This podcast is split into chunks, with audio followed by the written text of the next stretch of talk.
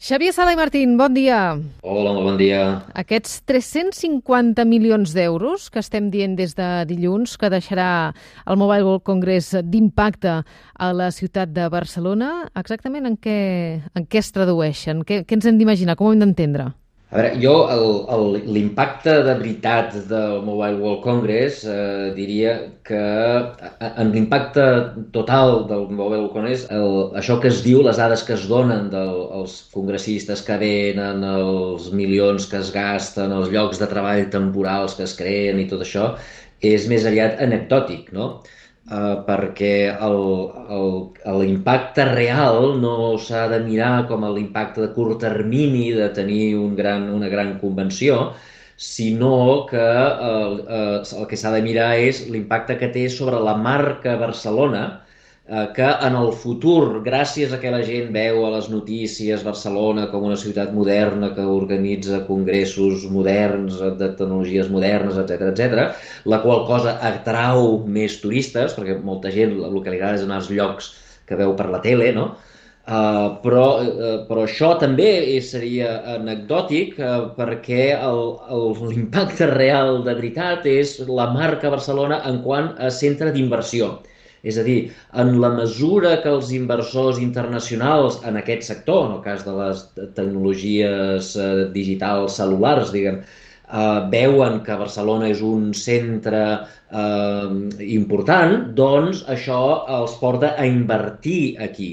I això és el que realment pot tenir un impacte eh, definitori, eh, que eh, s'atraguin empreses, que eh, s'atraguin treballadors d'alta qualificació, gent que produeix eh, molt, valor, molt de valor afegit i, i, i, i per tant, diguem, l'anècdota la, la, del, del número de persones que venen als hotels que, que els hotels, les, les habitacions d'hotel que ocupen o el número de restaurants o de plats d'un restaurants que, que ocupen o el número de taxis que agafen, al final del dia tot això és petit comparat amb l'impacte brutal que pot tenir si es fan les coses bé.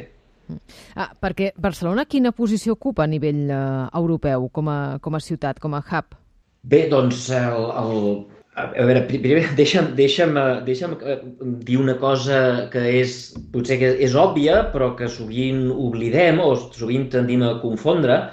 Uh, tecnologia, eh, tecnològic, no vol dir uh, mòbil digital. Eh? Ara tendim a pensar que tota la tecnologia són els telèfons cel·lulars i les, les innovacions que porten aquests aparells, no?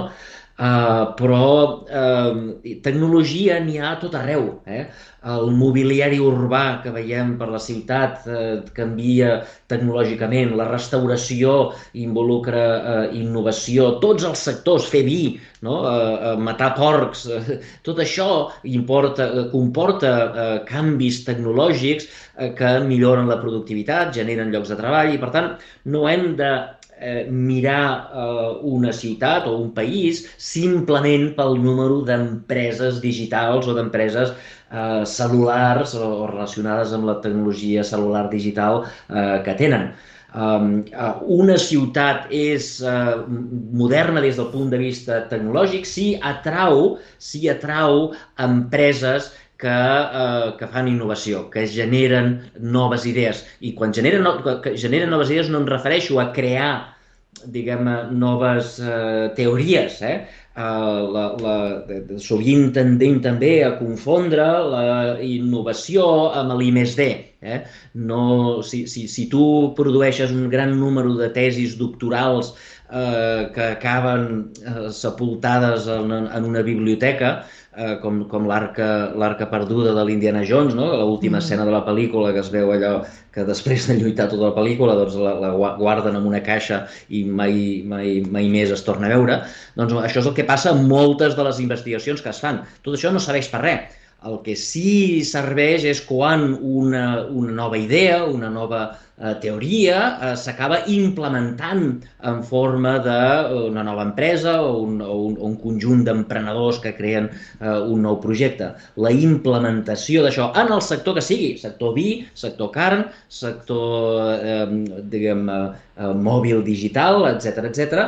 Eh, això és el que és realment la innovació. I per tant, per tant, el, el, diguem, el que importa és el, les empreses que tu ets capaç de traure i els treballadors d'alta qualificació que tu ets capaç de traure que eh, implementen noves tecnologies en, en el sector que sigui. Eh? Això ho dic perquè molt sovint tendim a confondre les polítiques d'innovació amb polítiques de subsidis, eh? que el govern gasti molts calés en I+D, no? que, que pagui eh, noves, nous projectes d'investigació. Això jo crec que no és la solució ni això augmenta la productivitat. El que importa, el que cal és tenir eh, gent que implementa els projectes. I, i una part important d'això, això sí que cal dir-ho, és que, eh, que eh, diguem, el que cal és inversió en educació, eh? en tenir, les empreses eh, poden voler venir a Barcelona eh, per moltes raons, però una de les principals és que tinguin accés a gent amb molta preparació. Eh? I per tant, eh, diguem, això és una, una de les coses que es busquen. No? Si tu no pots anar a un, a un país on no hi haurà enginyers, on no hi haurà gent qualificada que tu puguis contractar, i per tant el, el, una de les coses que sí que ha de fer el govern és preocupar-se de que l'educació estigui al màxim màxim nivell per poder tenir una gran quantitat de treballadors potencials eh, que eh, siguin un dels components, un dels factors que atraguin en aquesta inversió. Mm. Sense aquesta inversió la posició d'un país, és, eh, la, la posició d'una ciutat a dins, de, de, de, de, a dins del món és, és gairebé irrellevant. Clar, quan sentim el govern, el conseller Torrent, aquesta setmana posant en valor el creixement d'un 15% que ha tingut l'ecosistema tecnològic a Catalunya en l'últim any, amb 22.000 empreses, amb 182.000 persones, ens hem d'imaginar que creixeria molt més, que estarien xifres molt més altes si es fes aquesta aposta per la formació que ens estàs dient?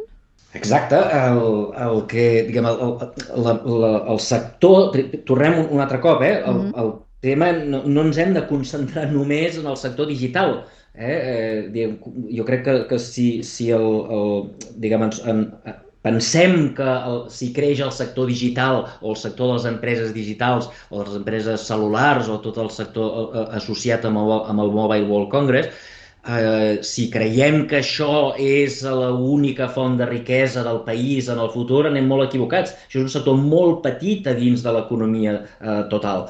El que hem de fer és que es modernitzin tots els altres sectors que tenim. Eh, el sector turisme, el sector primari, el sector, el sector de la carn, el sector de l'agricultura, la, el sector del vi, eh, tots aquests sectors que tenim, el que hem de fer és modernitzar-los eh, i a través de la innovació. I, per tant, el que, el que hem de fer és eh, crear les condicions que la gent que l'ha de modernitzar ho pugui fer. Eh, el qui ho modernitzarà, tots aquests sectors, són les empreses. Uh, I les empreses ho faran si hi ha les condicions necessàries o les condicions atractives per, per a fer-ho.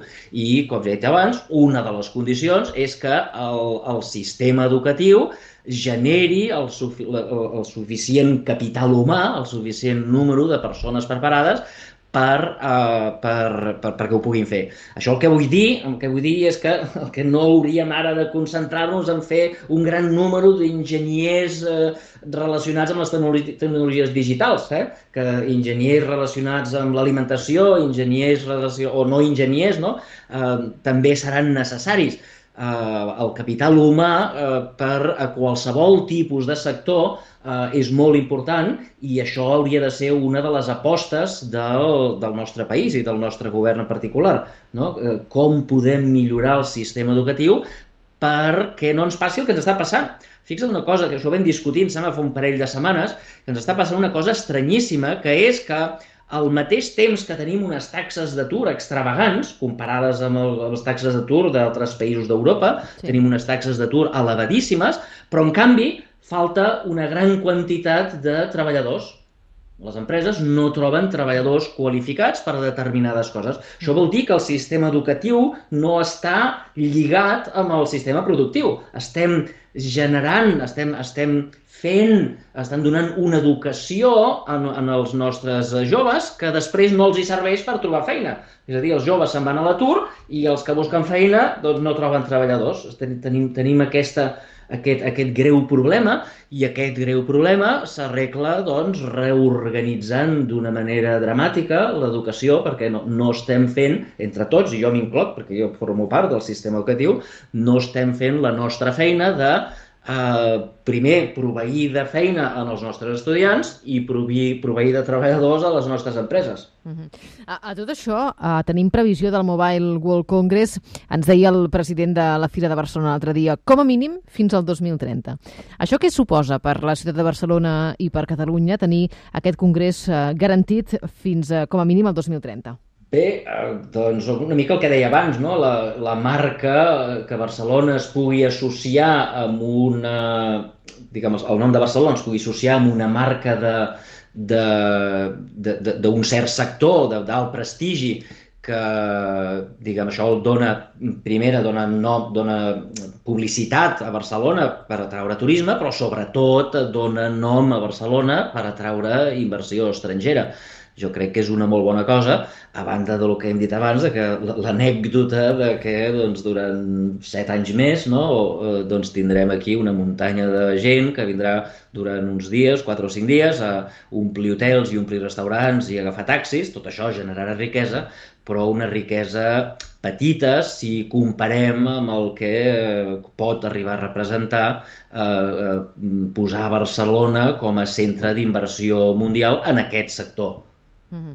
uh, de tots els temes que s'estan presentant al llarg d'aquesta setmana al mobile, uh, que estem parlant de la intel·ligència artificial, del 5G, del 6G, de tots els nous aparells, evidentment, de les aplicacions, quins d'aquests uh, creus que seran els que tindran més impacte econòmic uh, en els propers anys?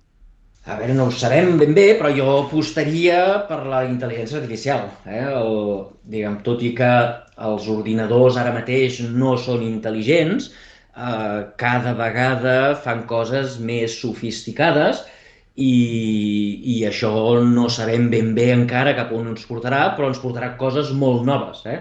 Si eh, fem en comparació amb els altres temes del, del Mobile World Congress, per exemple, els telèfons mòbils, telèfons mòbils no han canviat massa, eh? des de que Steve Jobs va introduir amb, amb el seu eh, amb, amb, amb el seu collal negre eh, va fer aquell, aquella presentació famosa de l'iPhone l'any 2007, que tothom es va quedar embadalit, eh, doncs el, el telèfon intel·ligent no ha canviat molt, l'smartphone no ha canviat molt. Sí que tenim millors pantalles, tenim millor resolució, tenim més potència per mirar vídeos i fer, i, i fer anar videojocs, tenim millors càmeres, però l'essència és el mateix, eh? una, una, una, una tableta diguem, rectangular, amb pantalla tàctil, no hi ha keyboards. Recordeu que abans de l'Steve Jobs els telèfons tenien keyboards, els Nokia, els BlackBerry, recordeu sí, el que sí, és? Sí.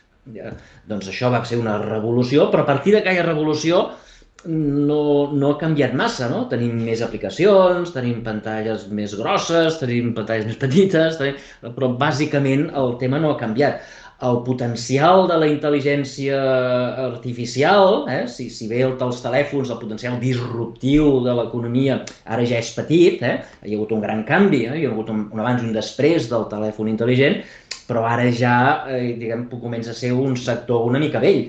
El potencial disruptiu d'uns ordinadors que siguin capaços d'escriure que siguin capaços de fer art, que siguin capaços de fer coses que fins ara estaven reservades a la intel·ligència humana, el potencial d'això és brutal. No estem aquí encara, eh? encara no hem arribat, eh, tenim petits exemples de que pot, pot ser el futur, però el potencial disruptiu de tot això, amb feines com, per exemple, la vostra, la de periodistes, no? d'escriure de, guions, d'imaginar coses que, que fins ara feien els humans, el potencial és brutal i per tant jo apostaria de cara al futur en que aquesta tecnologia tindrà un impacte molt més gran que no pas el mòbil que diguem, en els últims diguem, 10, 12, 15 anys eh, el, el, els canvis que hi ha hagut en aquest sector han sigut incrementals, no? una mica millor, però més o menys el mateix. Mm -hmm. Una de les, uh, dels grans anuncis que s'ha fet també aquesta setmana, i amb això acabarem, Xavier, aquesta aliança històrica d'empreses de telecomunicacions com uh, Telefònica, Vodafone, Orange, uh, per plantar cara, per competir amb Google i amb Apple. Creus que tindrà un impacte important? No ho sabem, també no sabem com acabarà, però és veritat que un dels problemes que està havent-hi en el, en el, món, de, en el món aquest de, de, de, del món celular, no? és que, eh, com tots sabeu, eh, ara, diguem, tu tens un telèfon mòbil i a partir d'aquí eh, tu pots baixar aplicacions, no? pots anar a, una, a un mercat d'aplicacions i aplicacions per fer tot tipus de coses, milers i milers d'aplicacions diferents. No? Uh, el problema és que els que fan aplicacions, que són els que estan innovant, diguem, han de pagar un peatge a l'empresa de telèfons, no? ja sigui uh, Google o ja sigui iPhone, no? o sigui uh, Apple. No? I, I aquestes es queden una part molt important dels beneficis que generen aquests innovadors. Clar, això és un problema que mm, redueix la innovació perquè és un peatge, un impost especial que paguen aquests innovadors i, i per, per, per culpa de que no hi ha competència, no? Si tens un iPhone, doncs has d'anar a través de la botiga de l'Apple i no hi ha més. Eh, tot es ven a través d'allò i no hi ha més. I, I aleshores qualsevol cosa que sigui competència, que sigui eliminar aquest monopoli que tenen eh, Apple i Google, eh, jo crec que tot això pot ser bo. Ara bé, eh, també s'ha de dir que això ja s'ha intentat abans i ha sigut un fracàs. Eh? Eh, totes aquestes companyies individualment han intentat eh, fer la competència a Google i a Apple i han fracassat. Ara la novetat és que ho intenten fer totes juntes. Eh? Veurem si es tenen sort, però seria molt bona cosa, els monopolis són dolents eh? i en aquest cas perjudiquen la, la creativitat de tota aquesta constel·lació d'innovadors que es dediquen a fer aplicacions i que per culpa del monopoli d'Apple i de Google doncs, acaben fent aplicacions sense guanyar masses diners, cosa que no és bona. Xavier Sale Martín, un plaer, com sempre. Moltíssimes gràcies. Gràcies a vosaltres. Que vagi bé. Adéu, adéu.